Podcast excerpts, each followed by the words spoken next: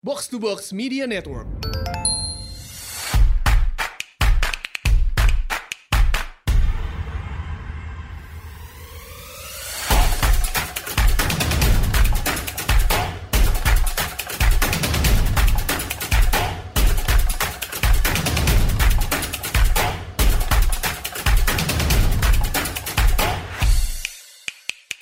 Selamat datang di Asumsi Bersuara. Setelah hampir sebulan kita sempat vakum bentar, eh, kita kembali dengan sebuah episode yang cukup spesial nih. Kali ini kita collab bareng teman-teman dari podcast favorit gue yang banyak bahas isu-isu hubungan internasional, apalagi kalau bukan podcast bebas aktif dari kontekstual nih. Selamat datang teman-teman semuanya. Halo, halo. Halo, Selamat halo. Halo, halo. Di rumah sendiri. Ya, kita spesial nih ada tiga ada tiga tamu nih kita dari dari podcast bebas aktif nih. Jadi mungkin kalau teman-teman suka nonton podcast bebas aktif, ini akan akan seperti itu kurang lebih ya. Ya, podcast rame-rame. Eh, mungkin sedikit perkenalan dulu ya. Jadi teman-teman podcast bebas aktif ini ada Ikhlas, ada Raffi, dan juga ada Mas Sofwan. Selamat datang nih teman-teman. Mas Sofwan ini by the way udah dua, dua kali ya sebelumnya eh, berkunjung ke Asumsi Bersuara. Kita pernah bahas eh, normalisasi hubungan Israel ke Arab, kita pernah bahas invasi Rusia Ukraina, dan sekarang lagi kita bahas Malaysia nih. Selalu menarik Mas. Iya, eh, ya mungkin te- sedikit tentang pemilu Malaysia atau pilihan raya umum mereka nyebutnya ya. Ini kemarin rame banget gitu ya. Sempat terjadi deadlock, nggak ada koalisi yang mencapai eh, majority di di parlemen, jadi terjadi hang parlemen sebelum akhirnya eh, rajanya menunjuk Anwar Ibrahim untuk eh, untuk membentuk pemerintahan gitu ya, membentuk kerajaan gitu, menubuhkan kerajaan gitu. Eh, karena dia adalah pimpinan koalisi yang punya kursi paling banyak di parlemen walaupun tidak mencapai majority. Nah, hari ini kita akan banyak bahas soal uh, pilihan raya umum Malaysia kemarin itu bareng uh, teman-teman kontekstual. Sedikit info juga, kita juga akan ada episode collab di podcast Bebas Aktif. Jadi mungkin teman-teman juga bisa follow uh, dan ikuti podcast Bebas Aktif juga ya di uh, platform-platform uh, podcast uh, mana pun gitu ya. Mungkin mau mulai nih ya uh, teman-teman ya konteksnya dulu kan kemarin ada tiga koalisi besar yang bersaing ya. Ada Pakatan Harapan yang menang eh, yang uh, dipimpin Anwar Ibrahim uh, yang akhirnya uh, menjadi pemimpin uh, Malaysia saat ini. Ada Perikatan Nasional. Perikatan Nasional ini dipimpin oleh uh, Muhyiddin Yassin yang sempat jadi perdana menteri dari 2020 ke 2021 dan ada Barisan Nasional yang uh, adalah pemerintahan sebelumnya gitu yang yang sebelumnya dipimpin oleh uh, Ismail Sabri. Um, mungkin kita mau bahas dulu sebenarnya tiga koalisi besar ini seperti apa? Apakah ada perbedaan ideologis yang signifikan juga di antara mereka? Mereka mewakili siapa? Atau semuanya nasionalis religius aja gitu kayak di negara Brazil? Ya, ya. Negara yang memiliki hutan cukup banyak di dunia itu ya. Hutan Amazon ya. Hasil juga kan. Iya, hasil pemilu kemarin memang agak mengejutkan ya, Eh, karena eh, kita apa melihat bahwa eh, AMNO tidak lagi menjadi pilihan utama, ya, AMNO yang merupakan komponen utama dari eh, Barisan Nasional yang dulu kekalahan pertamanya tahun 2018 ya, itu saja sudah eh, sangat mengejutkan gitu.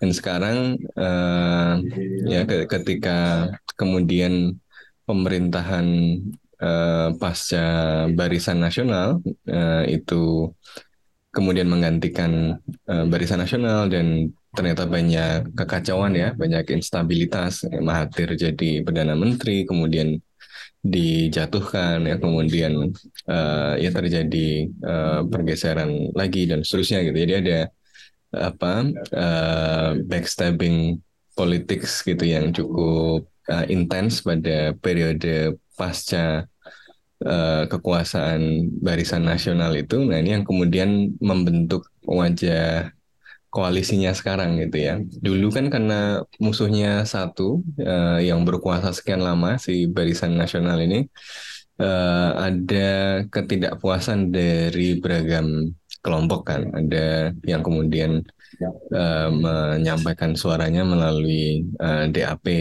eh, yang cenderung merepresentasikan kelompok eh, Tionghoa yang merasa didiskriminasi oleh kebijakan uh, Malaysia yang memang apa mendorong ketuhanan Melayu gitu kan.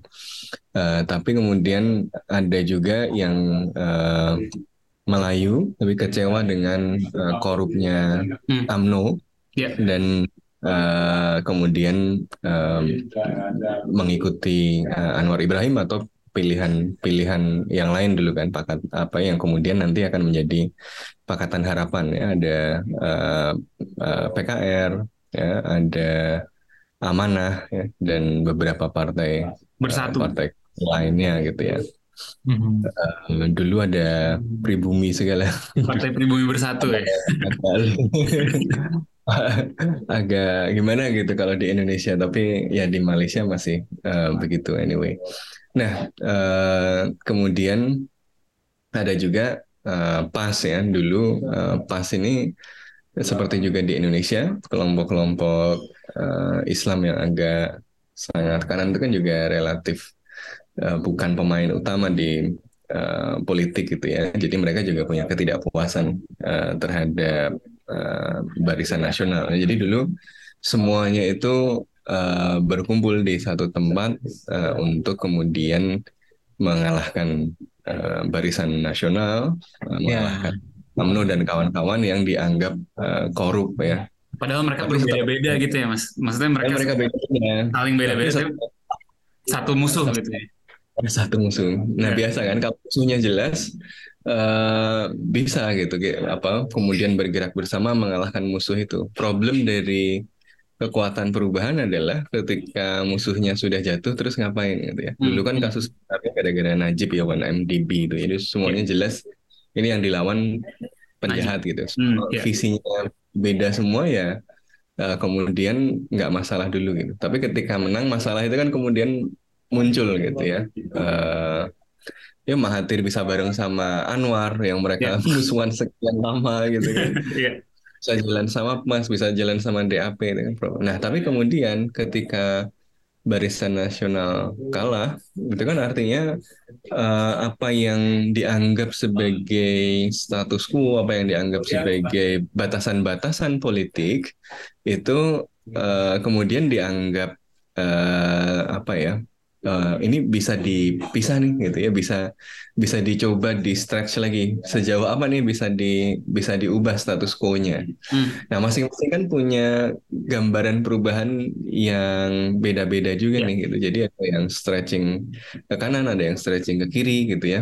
Yang kemudian ternyata nggak ketemu. Nah terutama kelompok-kelompok yang apa ya uh, status quo Melayu ditambah kelompok-kelompok Melayu yang terpinggirkan juga sebelumnya di dalam dominasi Melayu tapi bukan kelompok yang utama juga uh, khawatir ya bahwa stretchingnya justru merugikan ke uh, ketuanan Melayu ini kan karena ada banyak representasi dari uh, eh, DAP misalnya yang kemudian jadi punya uh, tempat dan kemudian melakukan upaya-upaya uh, perubahan kebijakan yang dianggap kemudian mengancam uh, konsepsi ketuhanan Melayu ini yang dianggap merupakan ya pilar stabilitas dan pembangunan Malaysia pasca kolonial. Kan idenya affirmative action karena orang-orang Melayu yang dalam konsepsi konstitusi Malaysia itu ya orang yang uh, ada di situ gitu ya uh, ketika penjajahan kemudian dengan mitos lazy natives lazy Malays itu kan hmm, kemudian yeah. dipikirkan dari struktur ekonomi sehingga mereka struktural terpinggir sehingga ketika negara itu muncul si Melayu yang dirugikan oleh kolonialisme ini harus dikasih affirmative action gitu ya cuma kan nggak selesai-selesai affirmative actionnya nah tapi anyway uh, mereka merasa bahwa uh, kebijakan itu kemudian jadi terancam. Makanya kemudian uh, ada ketidakpercayaan kepada pemerintahan baru pasca BN tadi. Di sisi lain uh, uh, DAP ya dan yang lain yang merasa lo ini uh, sama aja dong kalau apa uh, kondisi kita sebelum uh, BN jatuh dengan setelahnya tidak membuka uh, apa pembicaraan soal hal yang uh, penting soal diskriminasi rasial dan seterusnya. Jadi uh, ini yang kemudian memunculkan uh, distrust yang kemudian ditambah dengan politik uh, antar uh, individu, antar klan gitu ya di masing-masing tempat. Jadi kemudian kita lihat kan orang pindah kursi dan pindah koalisi dengan sangat cepat. Tapi intinya adalah karena stabilitas politik ya batas-batas uh, apa ya kesepakatan ya konsensus politik yang selama puluhan tahun itu dijadikan apa ya software gitu ya uh, uh, model ya beroperasinya Malaysia itu kemudian jadi bisa diubah-ubah karena kekalahan Barisan Nasional. Nah masalahnya yang mengubah itu uh, belum hmm. arahnya mau. Nah ini yang kemudian juga nanti akan berujung pada hasil dari pemilu kemarin. Makanya pas kan jadi pisah sama Betul. Uh, eh, PKR sama Anwar dulu uh, sempat bareng gitu ya. Uh, lalu uh, DAP sama uh, Anwar ya, dan uh, seterusnya. Jadi koalisi ini juga hasil dari uh, upaya menemukan keseimbangan baru gitu ya rasanya. Hmm. Tapi apakah ketemu sekarang? Hmm. juga belum tentu juga gitu ya. Nah kita uh, masih akan harus terus memantau ya. Makanya kemarin ada yang masang kubis juga di samping fotonya Anwar Ibrahim.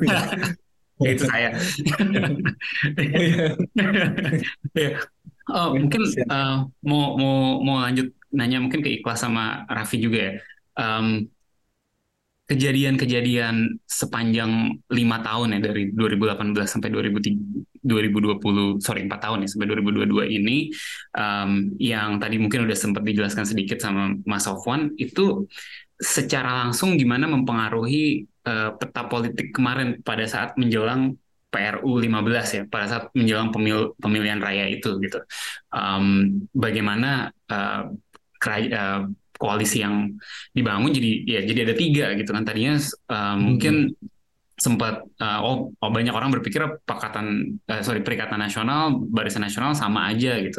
Sama-sama arahnya um, ke sana gitu. Mungkin yang beda sama pakatan harapan. Tapi mereka akhirnya tetap uh, terpisah um, dan akhirnya ya sekarang juga ketika yang men, yang apa terjadi hang parlemen akhirnya BN-nya yang pindah uh, untuk ber bukan pindah ya maksudnya align dengan dengan Pakatan Harapan gitu. Uh, kalian melihatnya gimana um, ketiga koalisi ini menghadapi uh, pemilihan kemarin gitu? Apa yang mereka bawa masing-masing gitu? Mungkin ke kelas nah, dulu. Iya. Hmm. Ya, jadi uh, gue secara garis besar setuju lah sama Mas Sofwan gitu ya. Kalau uh, ya empat tahunan ke belakang ini ya periode transisi mungkin ya settling in ke sebuah new normal dari politik Malaysia gitu ya. Kalau misalnya nggak ada uh, instabilitas lagi ke depannya dalam waktu dekat dari yang sebelumnya biasanya BN versus semuanya dan ya oleh karena itu pembedaan ideologinya nggak terlalu jelas juga ke ya new normal ada tiga koalisi sekarang gitu loh. Hmm. Uh, kita sekarang ada Barisan Nasional, ada Pakatan Harapan, dan ada Perikatan Nasional. Tapi itu kan di tataran koalisi ya, dan di bawahnya itu sebenarnya masih ada partai-partai yang lagi Betul. yang itu juga masih uh, bisa berubah gitu loh. Nah, uh, kalau secara tradisional kan kita lihat uh, BN sebagai representasi Melayu ya gitu, dan uh, meskipun nggak bisa diaplikasikan semuanya. Uh, apa namanya pembagian politik di barat center right gitu di Malaysia tapi bisa kita bilang seperti itulah gitu ya uh, di BN selama ini. Dan dan musuhnya itu biasanya ya uh, campuran dari semua orang yang anti dengan BN. Dulu tuh sebelum Pakatan Harapan itu namanya di Pakatan Rakyat itu kan ada eh, PKR PAS sama DAP yang sangat beda-beda gitu tapi ada berada dalam satu koalisi bareng melawan eh, BN yang sayangnya masih uh, gagal pada waktu itu untuk memenangkan pemilu gitu kan. Baru berhasil setelah ada kasus Najib itu. Nah, uh, dan pun setelah Najib jatuh, baru banget uh, Najib jatuh, terus ada Pakatan Harapan, itu juga isinya lebih lebih awal-awalan lagi kalau kita bilang itu di dalamnya ada bersatu, ada uh, berbagai macam orang yang kemudian ikut dalam satu pemerintahan yang jadi kita lihat ujung-ujungnya nggak stabil gitu kan. Ya. Tapi kemudian bersatu keluar, bergabung sama PAS dan kemudian jadi ada Perikatan Nasional. Yang ini menurut gue menjadi sebuah game changer gitu di dalam uh, perpolitikan Malaysia karena uh, Perikatan Nasional yang sekarang justru dilihat sebagai partai yang tanda kutip lebih kanan gitu loh koalisi yang lebih kanan dibandingkan yang lainnya gitu lebih uh, dia itu lebih uh, pro Melayu dan juga kalau bisa dibilang nggak ada representasi uh, multi etiknya hampir nggak ada sama sekali gitu loh. Kan komponen partai komponen dari Perikatan Nasional itu bersatu, ya itu Melayu, ya basically kayak uh, UMNO tapi versi lain dan juga PAS gitu kan yang dia representasi Islam. Jadi cuma dua itu aja komponennya. Dan sementara itu BN kalau gue baca-baca kemarin ya di politik uh, berita-berita politik Malaysia entah kenapa sekarang lebih dicitrakan atau mencitrakan diri sebagai partai yang ya lebih moderat atau hmm. uh, pilihan gitu loh. Karena kan yang enggak uh, mereka nggak sepenuhnya representasi Melayu ya karena perlu diingat selain uh, AMNO juga ada partai yang sekarang kecil ya itu ada Malaysian Indian Congress sama yeah. Malaysian Chinese Association. Itu ya partai lainnya kan yang jadi membuat ya seenggaknya barisan nasional lebih multi etnis lah. Dan dia nggak nggak hardliner dalam isu-isu sosial politik itu sementara itu ya Pakatan Harapan uh, dengan udah keluar pas dari Pakatan Rakyat dulu dan ada juga sekarang bertambah uh, pilihan baru ya Partai Amanah gitu kan yang juga baru terbentuk kemarin. Jadi ada Partai Islam Progresif gitu loh kalau bisa dibilang uh, jadi ada pilihan lain juga. Itu adalah ya koalisi yang bisa dibilang center left uh, lebih lebih progresif ya. Mungkin nggak liberal per se karena nggak bisa dibilang liberal banget juga. Ya. tapi ya begitulah kira-kira persebaran politiknya uh, di antara Perikatan Nasional yang kemudian dia mengambil posisi lebih center right uh, pro Melayu dan juga sebenarnya bertarung head to head menurut gue dengan BN ini kan yang juga dia juga masih uh, soal representasi Melayu tapi lebih sentris dengan Pakatan Harapan yang lebih multi etnis dan juga uh, ya dia pro kesetaraan secara umum gitu. Agak liberal tapi enggak fully fledged liberal juga gitu ya, kalau ya. bisa dibilang. Raffi mungkin ada yang mau ditambahin?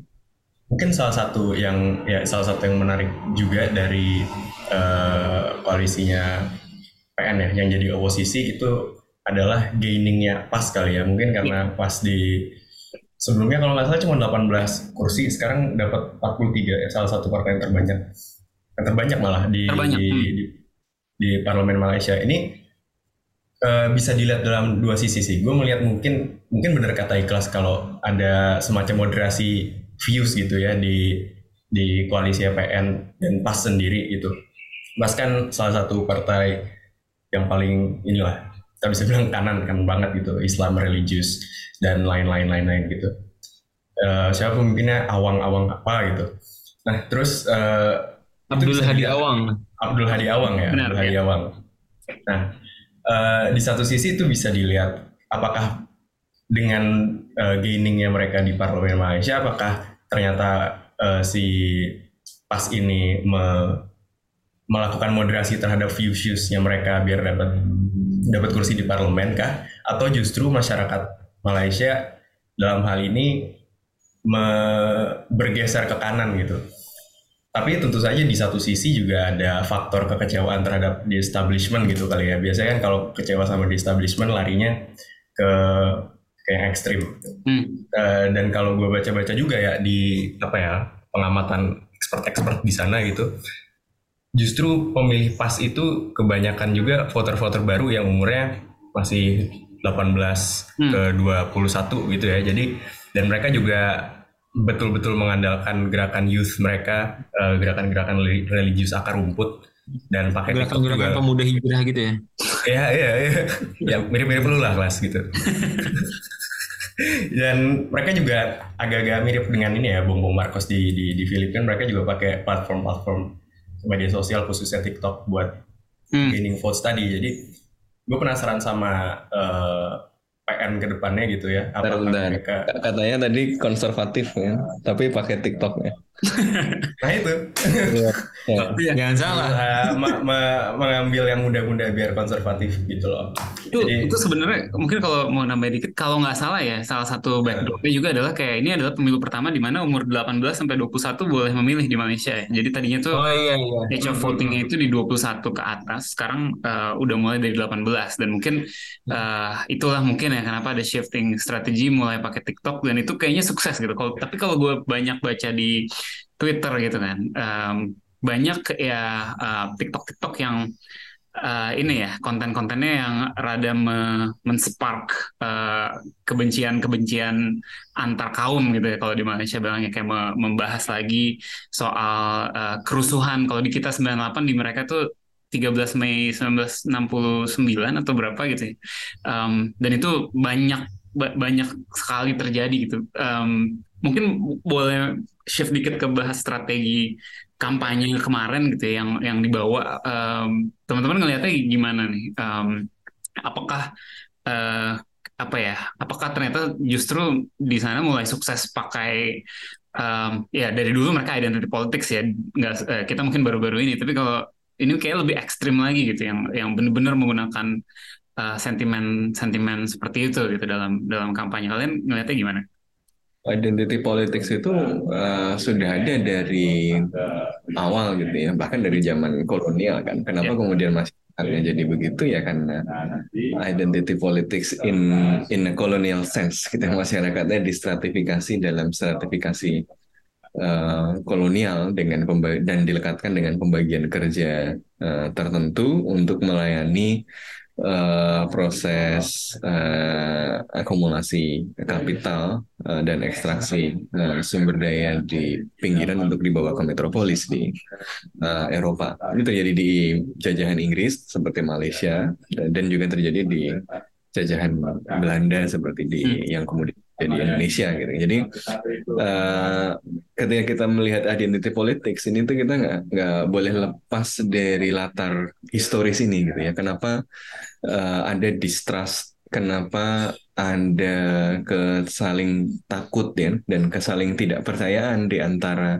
kelompok-kelompok ini gitu ya. Salah satu akarnya adalah kristalisasi identitas uh, pada uh, periode kolonial tadi gitu ya. Soekarno kan nulis di ya, nulis ya, membaca di Indonesia menggugat itu hmm. salah satu menurut saya salah satu tritis uh, ekonomi politik paling awal yang membahas antara kaitan kolonialisme, uh, imperialisme, kapitalisme dan rasi, rasialisme ya dan rasisme.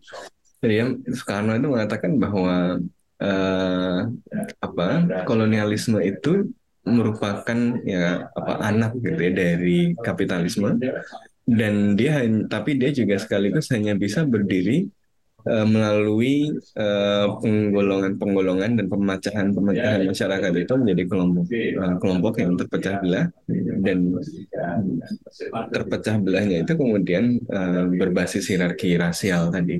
Jadi uh, akar dari politik identitas itu apa? Akar dari politik identitas itu adalah uh, kolonialisme yang menghendaki uh, ekstraksi uh, sumber daya uh, yang lebih mudah uh, berdasarkan hierarki rasial tadi. Ini yang harus uh, kita ingat. Dan ini kemudian memunculkan trauma kolektif di masing-masing tempat kan, hmm. baik bagi etnis yang dijadikan buffer di tengah-tengah, yang disuruh jadi tukang narik pajak, yang dikasih privilege tapi uh, dikasih privilege ekonomi tapi kemudian dijadikan uh, musuh uh, dari uh, masyarakat yang di bawahnya gitu ya. Terus uh, yang kemudian dan kemudian juga ada trauma kolektif dari kelompok yang merasa dipinggirkan tadi di label sebagai lazy natives hmm. di label sebagai orang yang nggak bisa ngapa-ngapain gitu ya.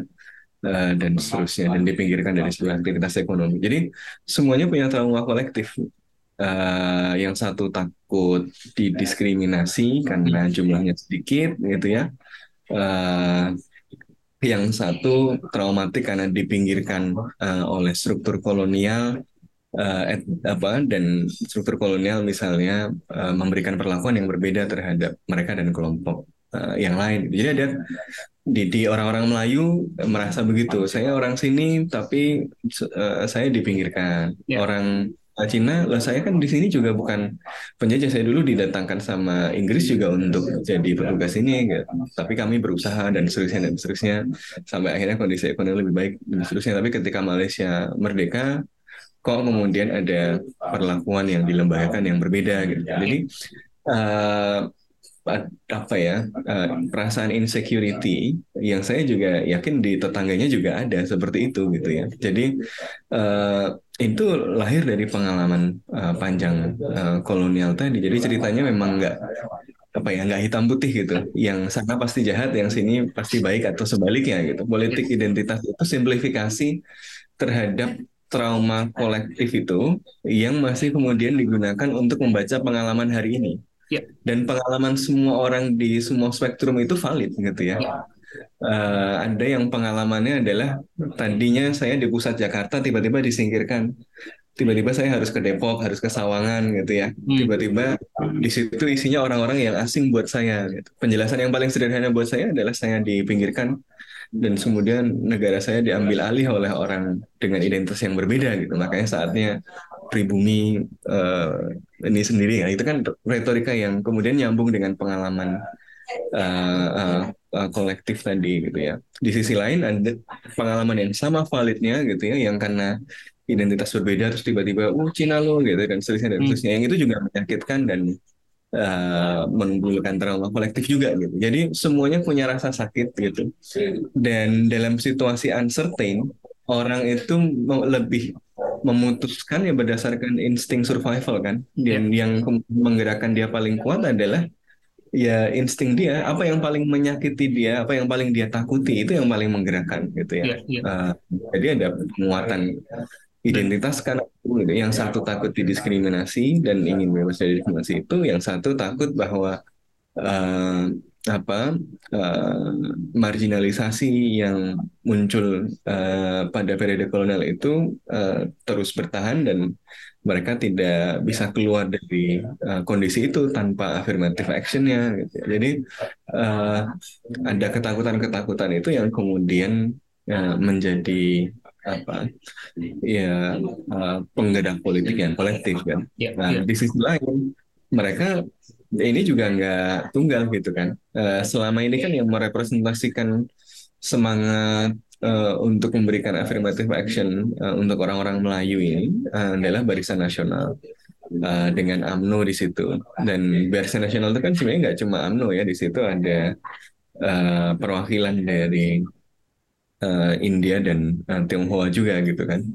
Uh, yang tapi kemudian uh, yang yang non Melayu ini dianggap sebagai tokenisme aja ya pelengkap hmm. aja makanya banyak yang ke DAP. Nah uh, masalahnya kemudian AMNO pun uh, akhirnya karena sangat korup tadi dianggap tidak lagi merepresentasikan kepentingan kebanyakan orang Melayu gitu kan. Tapi iya. suara Melayu tadi kemudian pergi ke mana ya dengan apalagi dengan ketakutan setelah um, setelah AMNO setelah Barisan Nasional jatuh ada upaya mengubah eh, batas-batas uh, yang boleh dan yang nggak boleh tadi uh, banyak yang uh, ketakutan kolektifnya muncul lagi gitu ya uh, apa hmm. ya, uh, ya, affirmative actionnya terancam seperti itu. Jadi ini reaksi terhadap instabilitas politik dan dalam kondisi instabilitas manusia itu instinktif gitu. Jadi dia uh, pasti memilih uh, apa ya memilih merespon rasa sakit gitu. Rasa iya. sakitnya rasa sakit dari pengalaman kolektif tadi gitu. Ya, ini ya. terjadi di Malaysia ini terjadi di kita juga gitu. Makanya kita ribut terus sampai sekarang uh, apa kadrun cebong dan seterusnya itu kan dua-duanya sebenarnya merespon rasa sakit dan ada orang-orang yang memainkan dan merawat rasa sakit itu terus gitu ya gitu. Ya. tapi rasa sakitnya valid gitu. Ya, ya rasa sakitnya itu uh, partially valid gitu at least gitu. Jadi uh, ya itu politik identitas itu bukan soal orang jahat, orang goblok atau orang pintar, orang tercerahkan, enggak gitu. Itu ya. kompleks karena pengalaman dan kolonial yang juga kompleks gitu. Dan di Malaysia itu um, perasaan kekauman itu masih jauh lebih kuat daripada ya. di sini ya. ya kita nah, suka atau tidak suka dengan iya suka atau tidak suka dengan dengan uh, caranya dulu gitu ya tapi proyek nation building kita jauh lebih sukses gitu dari Malaysia gitu kita semua orang hmm. merasa identitasnya kita orang Indonesia gitu ya regardless um, dari etnis atau suku mana gitu kita orang orang Indonesia satu tidaknya juga gitu. juga tergantung cara kita mengukurnya sih ya hmm. tapi kalau dilihat dari seberapa misalnya mengidentifikasi dengan identitas nasional hmm. ya mungkin uh, Indonesia lebih suka salah satunya mungkin karena etnis eh, suku kita lebih banyak lagi gitu daripada yeah. Malaysia yeah. Malaysia itu kan relatif ukurannya agak sama gitu ya jadi hmm. lumayan di Indonesia pun juga uh, masih ada kan sentimen-sentimen kayak gitu. Kalau nggak bisa jadi presiden kalau bukan Jawa gitu kan. Masih ada sentimen etnis juga oh Cina gitu atau bahkan apa ya macam-macam gitu kan. Sebenarnya masih banyak juga. Cuma bedanya kan uh, mekanisme pelembagaannya yang yang secara sengaja mengambil langkah yang berbeda gitu Indonesia dulu di awal-awal juga sempat ada semacam affirmative action tadi kan Alibaba dan seterusnya tapi memang kemudian uh, berbeda yeah. berbeda kelanjutannya dan berbeda pilihan kebijakan berikutnya. Oke, mungkin sekarang gue mau nanya ke Ikhlas sama Raffi lagi. Um, spesifik tentang pemilu kemarin ya, pilihan raya kemarin, kayak kayak gimana sih um, sentimen-sentimen itu mempengaruhi uh, kampanye dan dan hasilnya gitu ya dari dari si pilihan raya ini. Gitu. Oke, okay. uh, kalau sengeliat gue ya sebenarnya ya, tentu identity politik selalu ada dan uh, gue nggak sengikutin uh, Restu mungkin yang ngeliat di TikTok TikTok Malaysia gitu ada apa aja. Uh, tapi uh, kalau yang gue lihat sih kampanyenya uh, in general tuh relatively muted gitu loh. Maksudnya hmm. Nggak begitu heboh banget kayak 2018 misalnya gitu.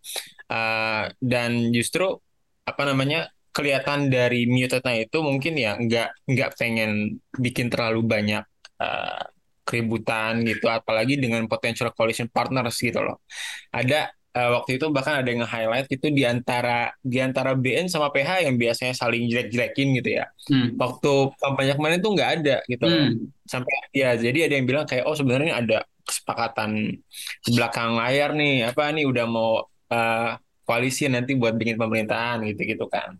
Jadi uh, lebih fokus uh, kampanye kemarin lebih fokus ya banyak ke bread and butter issues ya kayak cost of living, terus kemudian uh, kegagalan pemerintahan sebelumnya, tapi itu pun selektif gitu loh. Mungkin kalau PH itu lebih ngalahin ke Muhyiddin gitu-gitu. Uh, dan akhirnya uh, dari kampanye itu pun nggak banyak yang bisa guess dari dari hasilnya itu akan kayak gimana gitu loh. Ya dan juga uh, menurut gua kenapa itu muted dan nggak terlalu rame gitu ya mungkin itu juga ada konteks backdrop krisis politik yang kemarin itu Mahathir jatuh, uh, Muhyiddin jatuh, Sabri jatuh dan ada aturan juga kan setelah bubarin parlemen itu cuma berapa 60 hari kalau nggak salah langsung hmm. langsung elections kan. Nah itu kan betul-betul gerabak gerubuk ya, buru-buru dan harus satset-satset gitu. Uh, itu ada krisis politik, pelajaran krisis politik plus prosesnya yang harus buru-buru. Menurut gue jadinya ya nggak ada waktu lagi lah untuk untuk terlalu membuat keributan yang akhirnya bikin instabilitas lagi walaupun hasilnya hasilnya hang parlemen gitu ya. Tapi menurut gue kalau mau dibahas kampanye yang mute, menurut gue dua faktor itu juga akhirnya berpengaruh gitu sih. Soal kampanye yang gue menurut gue menarik ya, yang, yang kalau tadi soal politik identitas, satu lagi yang menurut gue cukup menarik dari uh, politik Malaysia itu yang mungkin kita justru perlu ikuti adalah itu semua partai atau atau semua koalisi ya bikin manifesto gitu, bikin manifesto gue mau ngapain aja dan bener-bener detail gitu policy polisinya kebijakan-kebijakannya yang mereka mau bawa gitu ya kalau kalau pilih gue. Um, gak tau ya di Indonesia ya biasa ada tapi mungkin agak normatif gitu biasanya akan akan uh, mendukung uh, rakyat kecil gitu-gitu kan. Tapi kalau kalau gue baca manifestonya PH bahkan manifesto BN pun itu bener-bener detail gitu mau kebijakan apa kebijakan apa kebijakan apa gitu. Itu menurut gue menarik juga sih sebenarnya buat buat kita teladani ya. Ya itu mungkin ada ini juga ya turunan dari Inggris kali ya. Uh, nah. Inggris kan juga ada manifesto ya setiap setiap pemilu uh, eh mungkin itu salah satu warisan kolonial yang bisa ditiru. Nah, kalau Indonesia turunan mana? Karena itu juga dulu waktu awal-awal reformasi juga pada bikin manifesto dan uh, ini dengan serius ya. Hmm. Uh, kalau lihat di awal-awal itu karena uh, ya memang masih. Saya belum bisa lihat mas, masih balita. oh iya, gue juga masih balita.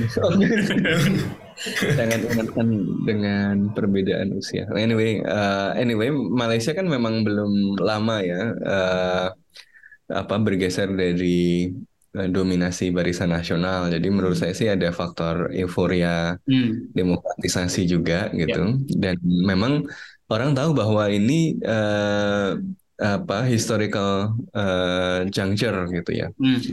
Uh, yang kalau kita bisa menentukan wajah politik Malaysia sekarang uh, dan sampai pada titik stabil dia akan lama seperti itu gitu. Hmm. Makanya uh, semua pihak itu merasa penting untuk tadi kemudian memberikan tawaran uh, uh, arsitektur ya uh, dan uh, isi dan warna itu dari politik Malaysia tadi. Ini kayak Indonesia uh, tahun 99 gitu, 98 99 2000 awal penuh dengan instabilitas, uh, penuh dengan ketidakpastian tapi sekaligus juga kesempatan untuk menawarkan bentuk baru gitu. Maka banyak yang kemudian me, ya secara serius kan menawarkan uh, bentuk barunya, wajah barunya, warna barunya seperti apa gitu. Jadi ada tadi ada faktor euforia demokratisasi. Ya, ya BN menang itu kan oh uh, ya apa uh, otoritarianisme tumbang gitu ya.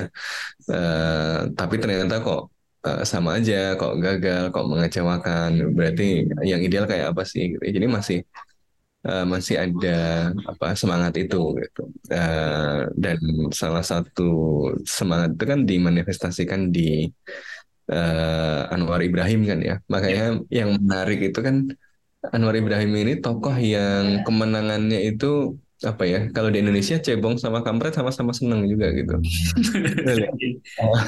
ya kan?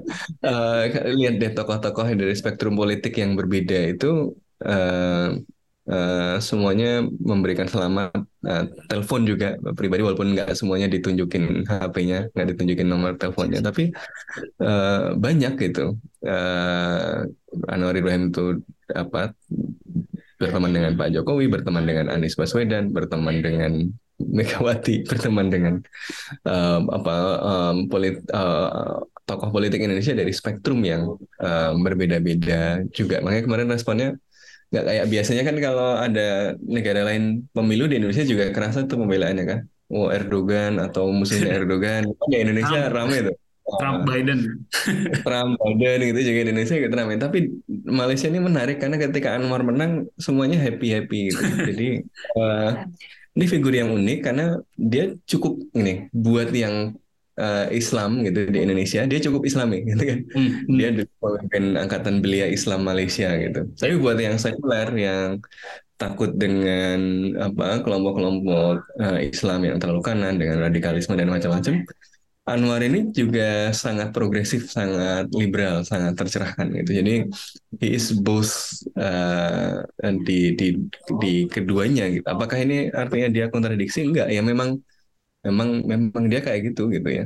Uh, jadi dan uh, ya yang ini kemudian membuat barangkali faktor uh, Anwar ini akan menjadi salah satu faktor yang yang penting gitu. Apakah dia mampu uh, perform hmm. untuk menjawab harapan Malaysia yang baru tadi atau ternyata sama aja kayak pendahulunya yang yang yang gagal kemudian menghadirkan sesuatu yang benar-benar baru tapi sekaligus juga bisa diterima oleh semua kelompok. Makanya ketika dia mulai kan langsung yang dia tegaskan gitu di manifestonya maupun di apa pidatonya uh, adalah dia nggak akan mengusik gitu kan. Dia kan nggak akan mengusik uh, ketuanan Melayu tapi dia tambah catatan tanpa melanggar hak-hak dari kelompok-kelompok uh, lain gitu. Jadi uh, apa ya he's answering to the fears of uh, both sides gitu kan. Dia menjawab ketakutan Melayu bahwa mereka akan kehilangan uh, perlindungan dari uh, negara karena keistimewaan yang dihilangkan tapi dia juga menjawab ketakutan dari kelompok-kelompok lain yang uh, ya khawatir uh, diskriminasi tadi. Tapi dalam pidato gampang kan ngomong yeah. kayak gitu. Tapi policy konkret yang menerjemahkan seperti itu kayak apa gitu kan? Yeah. Nah, ini yang kemudian uh, challenging. Ya, nah uh, bicara soal itu, mungkin kita saatnya bicara soal kabinetnya Anwar nih yang baru aja di di announce kemarin banget sebelum kita uh, taping hari ini ya. Um, ekspektasi terhadap Anwar Ibrahim tentu besar banget ya. Seperti tadi Mas Sofwan bilang dia adalah figur yang bisa menyenangkan cukup banyak pihak gitu ya. Um, jadi ekspektasinya untuk Malaysia baru ini begitu besar. Tapi kalau dilihat dari dari kabinetnya banyak yang kecewa gitu ya karena uh, ada be ada beberapa hal ada beberapa hal lah dari si uh, kabinet pemerintahan persatuan ini atau bahasa sana kerajaan perpaduan katanya antara PH, BN dan juga gabungan Parti Sarawak gitu ya. Um, beberapa hal menarik. Yang paling utama um, membuat banyak orang agak mengernyitkan mata adalah uh, dipilihnya Zahid Hamidi uh, menjadi wakil prime oh, deputi prime minister ya deputi prime minister satu. Zahid Hamidi ini sebelumnya juga adalah deputi prime minister di era Najib gitu dan dia juga lagi terjerat kasus korupsi. Jadi banyak orang merasa kayak lah ini pemerintahan baru apa kok uh, deput kok orang nomor duanya orang-orang uh, yang terlibat di uh, apa korupsi-korupsi era Najib dulu gitu dan another thing juga yang membuat kita teringat pada era Najib adalah bahwa Anwar menunjuk dirinya sendiri menjadi uh, Menteri Keuangan seperti Najib juga dulu gitu. Dan um, kan dulu banyak ada Mat Sabu ya yang yang mengolok-olok Najib kayak uh, pengurus MDB Najib, Menteri Keuangan Najib, uh, Perdana yeah. Menteri Najib gitu. Nah, sekarang Anwar juga juga melakukan hal hal tersebut. Nah ini kan uh, udah dua hal yang uh, apa ya yang orang mulai ya ya masa sih pemerintahnya begini nanti pemerintahnya bakal kayak gimana? Teman-teman ngeliat, ngeliatnya gimana nih uh, tentang ngomong Zahid Hamidi ini uh, ada trivia menarik. Uh, leluhurnya dari Kulon Progo kan. Oh Wong Jawa ya? Dia itu ada nama lengkapnya kan Ahmad Zahid Zahid bin Raden Hamidi. Oh gitu. Iya Ya, keturunannya dari dari Kulon Progo ini. Jawa adalah kunci ya rupanya di Malaysia. Iya, iya, iya. Silakan, silakan. Ya, uh, ya kalau menurut gue itu ada dua hal kan yang perlu diperhatikan gitu ya.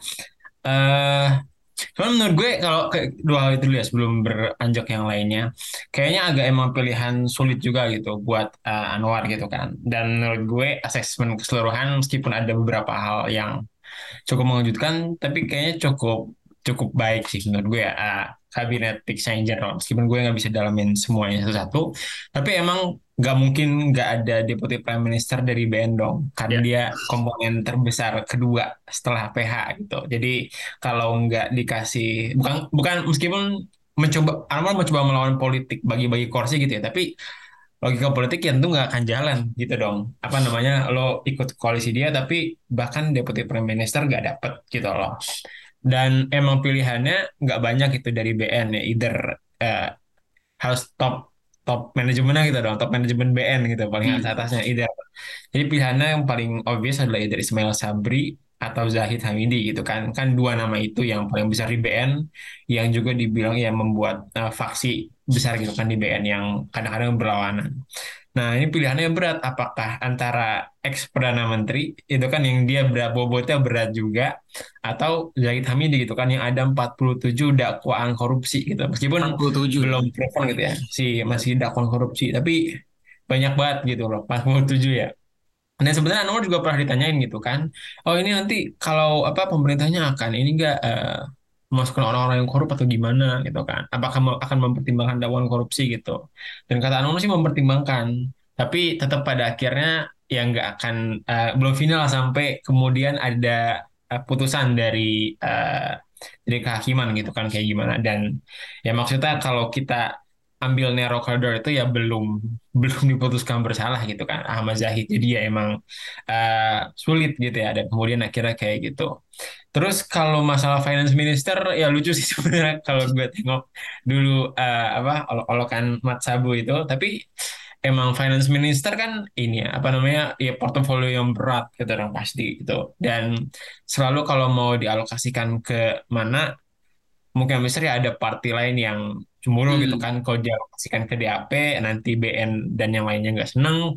Kalau dialokasikan ke BN ya nggak logis kan kan dia dari PH gitu masa nggak ngasih ke partainya segala macam dan akhirnya ya jadi diambil sama uh, apa namanya sama Anwar gitu kan tapi yang betul kalau praktik ini ada praktik yang pat diawasin gitu ya karena ya minim check and balance dan entah kenapa sebenarnya gue lihat juga cukup umum kayak di negara-negara ex jajahan Inggris ya dan hmm. uh, dan praktik itu juga sering dikritisi gitu loh. Jadi se sehusnuzon husnuzonnya kita sama Anwar ya tetap ada hal yang harus mesti diperhatikan gitu loh. Tapi yang lain dari kabinetnya, menurut gue ya dia tetap konsisten dalam messagingnya itu dalam pesannya ya dia coba narrow down kabinet dari dua pemerintahan sebelumnya yang 31 32 menteri sekarang 28 aja dan Nah, nggak tahu deh kalau kemarin tuh jadi nggak ya yang uh, dipotong gaji menterinya juga dikurangin hmm, tahu. sama kayak uh, Anwar yang dia nggak ngambil gajinya gitu loh. Jadi ya gerakan-gerakan simbolis tapi juga uh, semoga berdampak gitu loh terhadap apa namanya kepercayaan terhadap pemerintahan secara keseluruhan. Gue tuh kadang bingung ya, apa, apa sorry, gue tuh kadang bingung apa perdana menteri itu kurang kerjaan ya sehingga dia harus nambah kerjaan jadi menteri keuangan juga. Gitu. Gue gak kebayang Pak Jokowi jadi ya. menteri keuangan juga gitu di sini. Belum jadi ini. Untung masih cuma menteri keuangan, belum jadi menteri koordinator maritim dan investasi kan. oh. Lebih sibuk lagi nanti. Oh. Tapi gini harus diingat juga uh, apa bahwa Anwar ini kan karir politiknya bukan baru-baru ini aja gitu ya. ya. Dia itu punya sejarah lama dengan AMNO kan. Uh, tapi karena justru karena sejarah lamanya dengan AMNO itu orang eh, orang-orang AMNO sekarang ini kan sebenarnya hubungannya nggak baik banget sama Anwar kira-kira gitu. Mm-hmm. Orang-orang barisan nasional ya kira-kira adalah orang-orang yang minimal diem gitu atau ikut uh, dulu mengerjain Anwar kan kira-kira gitu. Jadi iya. hubungan yeah. mereka itu uh, bukan hubungan yang baik makanya resistensi terhadap Anwar uh, cukup besar di barisan nasional pasti gitu. Jadi kalau uh, mereka nggak dapat posisi yang dianggap cukup strategis ya mereka nggak akan dukung. Lebih mereka secara sosial uh, akan lebih nyaman sama perikatan uh, nasional kan daripada sama uh, gengnya Anwar gitu.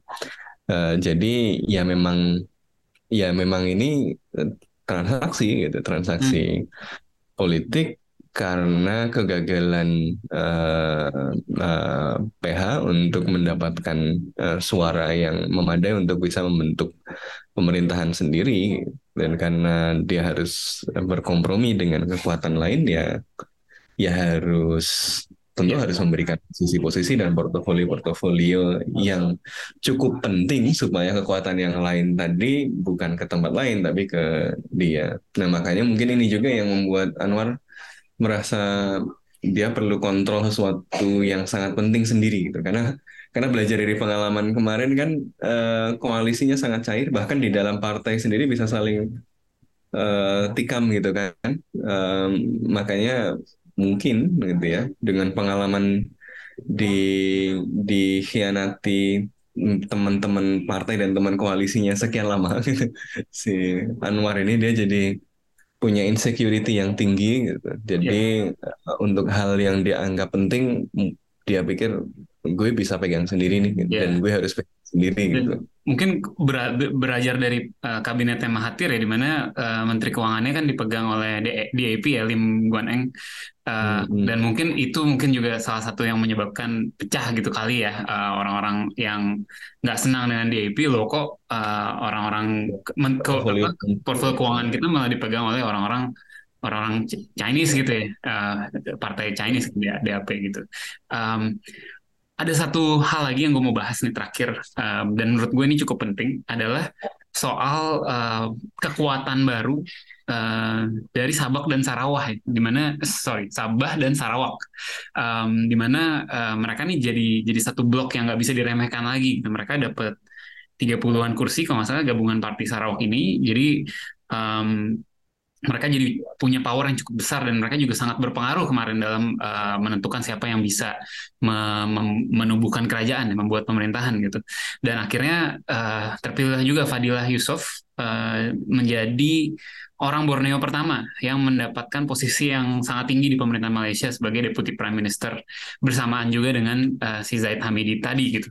Um, menarik nih ya bagaimana uh, daerah timur di Malaysia yang tadinya tuh uh, mungkin terpinggirkan dari dari dari politik gitu ya sekarang uh, bisa bisa mulai uh, mainstream dan punya kekuatan yang yang cukup besar. Teman-teman ngeliatnya pelay apa kayak apa nih? Bagaimana uh, orang-orang Borneo akhirnya bisa at the forefront of Malaysian politics juga? Dan mungkin apa pelajarannya buat kita ya? Karena kita selalu ngomong kayak oh apa presiden kita selalu harus dari Jawa misalnya gitu. Kapan ada kesempatan buat orang timur segala macam uh, untuk punya lebih banyak kekuatan di di politik pusat gitu. Nah ini ada pelajaran lah dari dari Malaysia gitu ya. Ada ada nggak yang bisa ditarik uh, kalau kalian melihatnya tuh?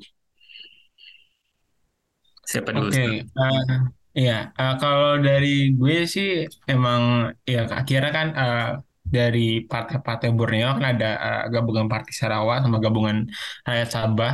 Itu kalau GPS tuh gue lihat nih ada 23 kursi sementara uh, GRS itu enam kursi gitu kan. Dan itu ya, mereka emang menjadi kingmaker dalam sekarang yang itu merupakan posisi yang mereka nggak pernah ada dalam posisi itu loh sebelumnya gitu loh. Uh, dalam pemerintahan BN-BN sebelumnya kan ya langgeng aja gitu BN.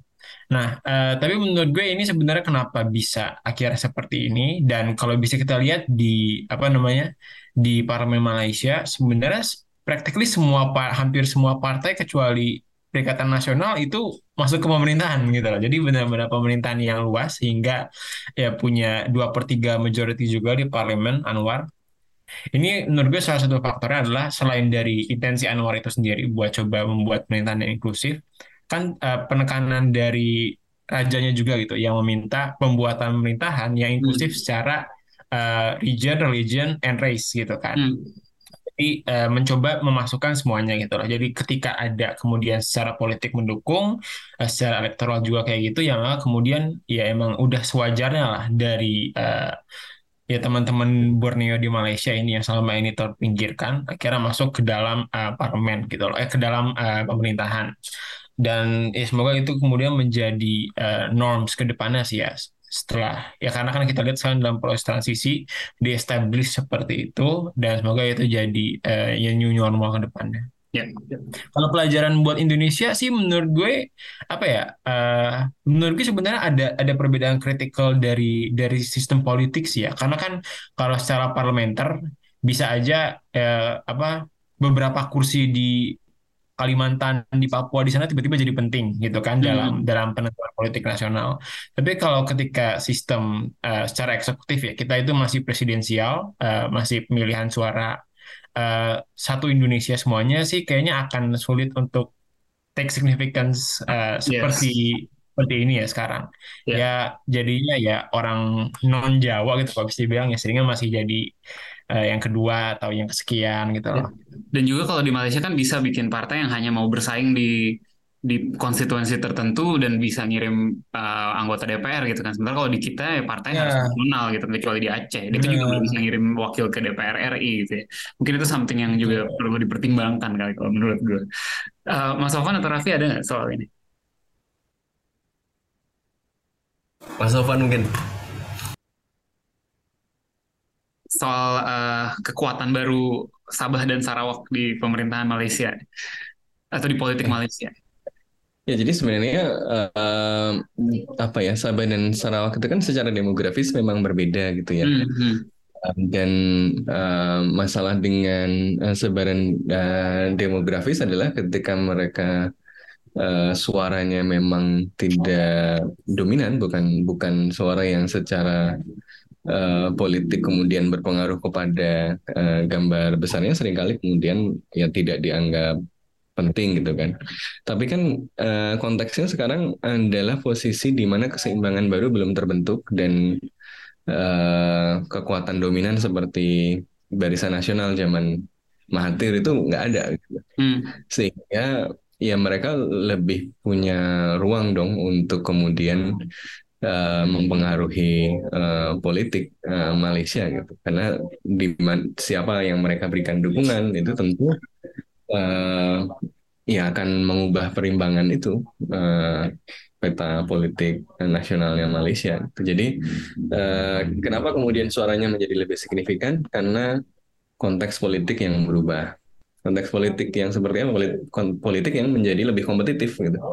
Kalau politik kompetitif, partai-partai kecil itu kan jadi penting. Kayak zaman dulu di Indonesia juga uh, masih ingat nggak Prabowo dulu sempat nggak jadi maju presiden, kemudian jadi wakil presiden kan dulu dia rencananya mau maju jadi presiden juga, tapi hmm. gara-garanya ada rombongan partai-partai kecil, belasan partai kecil pak ya, itu uh, kemudian dibawa sama uh, Sutioso kalau nggak salah ke tempat lain gitu. Jadi hmm. itu kecil nggak penting gitu, tapi uh, kalau kemudian jadi kalkulasi politik nasional dia jadi kemudian jadi suara kecil-kecil itu juga jadi penting gitu. Nah karena itulah kemudian ya daya tawar ya juga jadi meningkat apalagi di sistemnya Malaysia yang parlementer gitu ya. Uh, jadi uh, secara relatif uh, suara dari uh, Sabah dan Sarawak itu kemudian menjadi punya leverage dalam uh, iklim politik yang lebih kompetitif. Lain ceritanya kalau uh, apa kompetisi politiknya sudah relatif stabil dan yang menang sudah kita ketahui tanpa lewat pemilu gitu ya. Hmm. Nah itu uh, dukung nggak dukung udah misalnya ya udah udah clear gitu kan ya uh, apa yang kemudian dilakukan adalah maintain status quo dan kalau status quo-nya tidak memberikan keuntungan kepada Sabah dan Sarawak kan ya diabaikan aja kan ini kan yang ya, terjadi ya.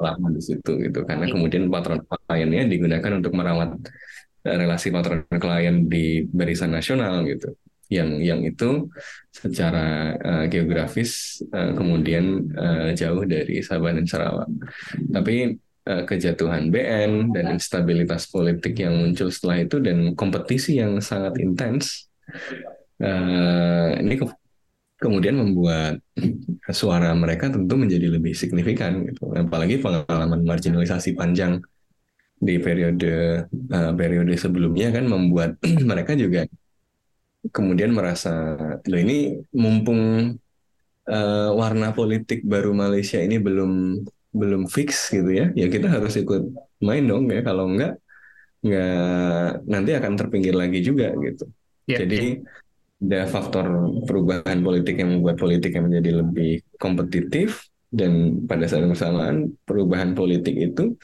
juga membuka celah sejarah, membuka historical juncture di mana kelompok-kelompok yang terpinggirkan merasa lebih mungkin suara mereka itu berpengaruh pada wajah politik uh, Malaysia yang kemudian berdampak pada kebijakan yang mereka rasakan juga gitu. Jadi kalau mau mengubah keadaan, mau mengubah konsensus yang dianggap memarginalisasikan mereka, ya ini saatnya. Gitu. Ya. Jadi kesadaran kesadaran itu meningkat, euforianya meningkat, kompetisi makin tinggi, leverage juga makin tinggi. Jadi semua faktor itu ya ya kapan lagi gitu ya ini ya ini waktunya gitu dan ini yang kemudian membuat mereka lebih uh, berpengaruh gitu lebih punya leverage.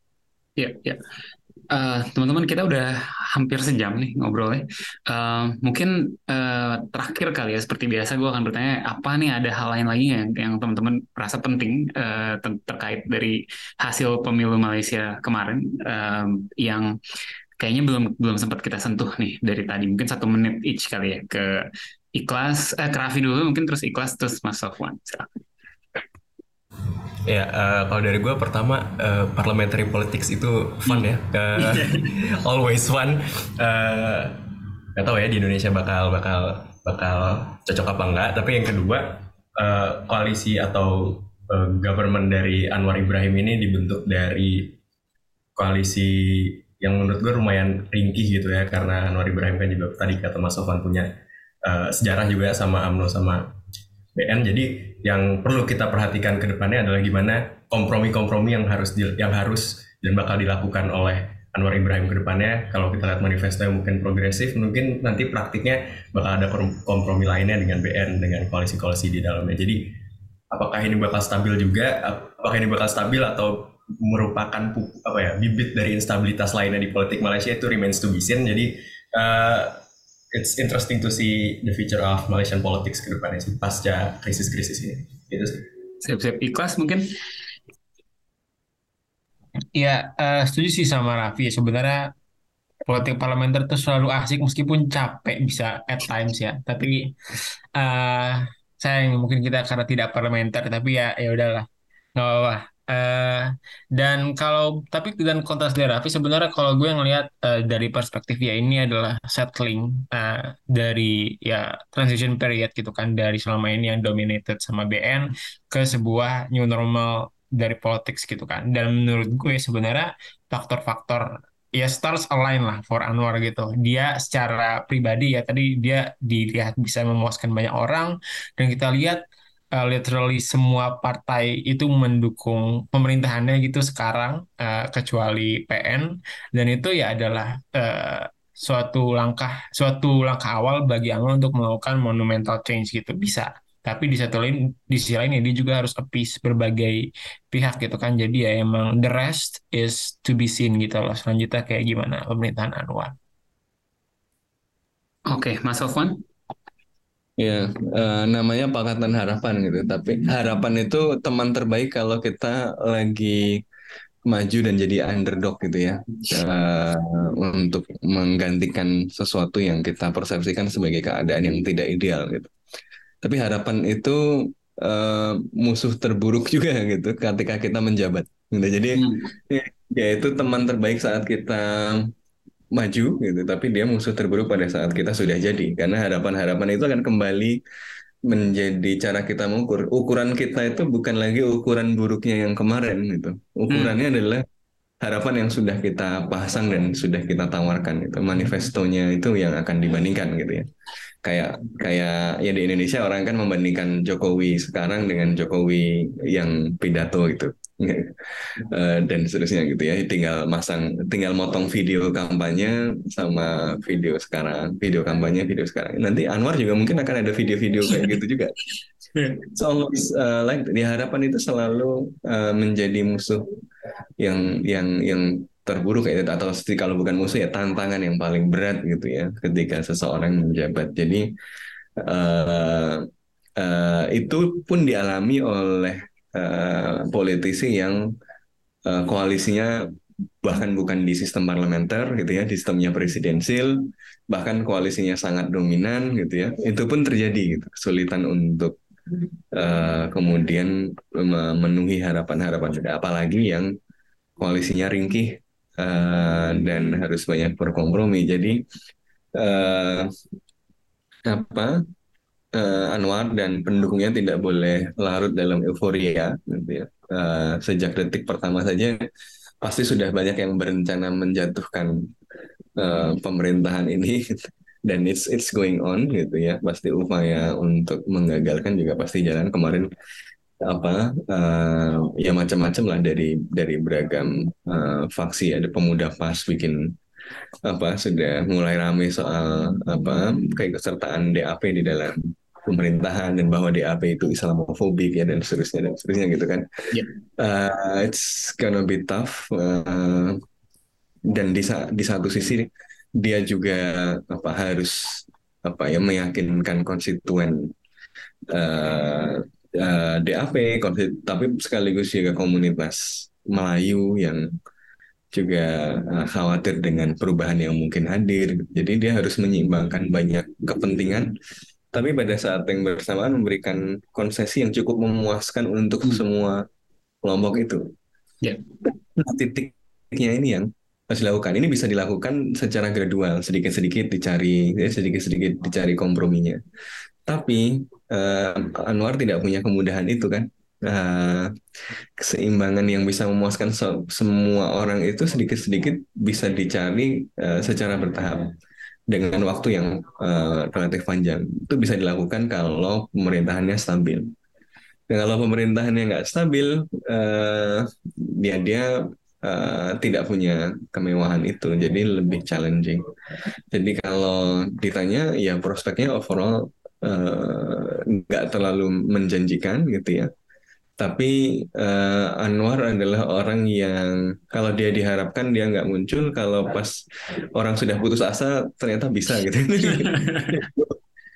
pas BN kalah udah berharap Anwar ternyata nggak jadi gitu ya. Uh, terus pas tapi pas sekarang ah nggak mungkin Anwar udah nggak masuk akal ternyata malah jadi gitu. Jadi barangkali malah bagus dimulai dengan pesimisme dan uh, fotonya disandingin sama kubis gitu karena barangkali dalam uh, situasi de bahwa dia sadar ada banyak keterbatasan, ada tekanan kayak gitu, mungkin uh, malah justru uh, justru bisa bisa bagus gitu ya, uh, karena juga pendukung partai koalisinya akan paham bahwa mereka fragile, bahwa mereka juga harus mengorbankan sesuatu ya. untuk sesuatu yang lebih besar gitu kan. Mereka akan maklum misalnya dia apa akan maklum uh, ya sudahlah gitu ketuanan Melayu ditegaskan di awal kami paham gitu. Uh, karena ya ini memang step yang harus dilalui gitu misalnya.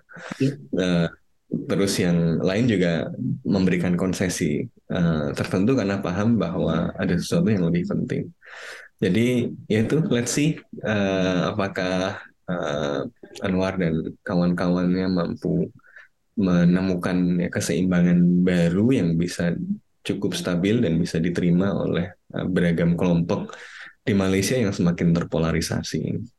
Dan kalau bisa barangkali ada pelajarannya untuk Indonesia juga. Barangkali uh, kita bisa juga membuat politik yang basisnya adalah konsesi basisnya adalah kompromi uh, konsensus yang berbasis kebijakan yang yang yang konkret gitu ya. Walaupun tentu politik identitas tidak bisa dihindarkan tapi ketika muncul dalam perdebatan uh, publik yang muncul adalah perdebatan-perdebatan soal kebijakan yang diambil seperti apa Eh, dan kompromi seperti apa yang bisa diambil yang merepresentasikan kelompok atau identitas yang berbeda-beda tadi. Kompromi ya, bukan sekongkol itu. nah itu poin penting. Berbasis kebijakan itu yang kayaknya penting ya mas. Oke, kita uh, podcast asumsi bersuara edisi spesial uh, bareng kontekstual kita sampai di sini dulu. Jangan lupa juga buat dengerin podcast kontekstual yang akan bahas Malaysia juga uh, bakal bakal bareng bareng gue juga. Um, jadi silakan di di follow juga ya yeah. di di home sama away. Iya, yeah, ada home dan away. Oke, okay, um, thank you banget teman-teman uh, Ikhlas, Raffi, Mas Sofwan. Thank you. Um, kita udah ngobrol sejaman lebih seru banget nih uh, obrolannya hari ini. Kita uh, mudah-mudahan ada lagi edisi-edisi berikutnya ya. calling calling aja calling calling aja. Yes. buat pendengar asumsi bersuara seperti biasa jangan lupa follow asumsiko follow box to box id follow at kontekstual ya kontekstual.com ya. At kontekstual com at kontekstual com dan uh, dengerin juga podcast bebas aktif. Sampai jumpa lagi. kita asumsikan, kita asumsikan bakal ada lagi tetapi oh, iya. sesuai dengan konteksnya. Sampai jumpa lagi hari Selasa depan. Ciao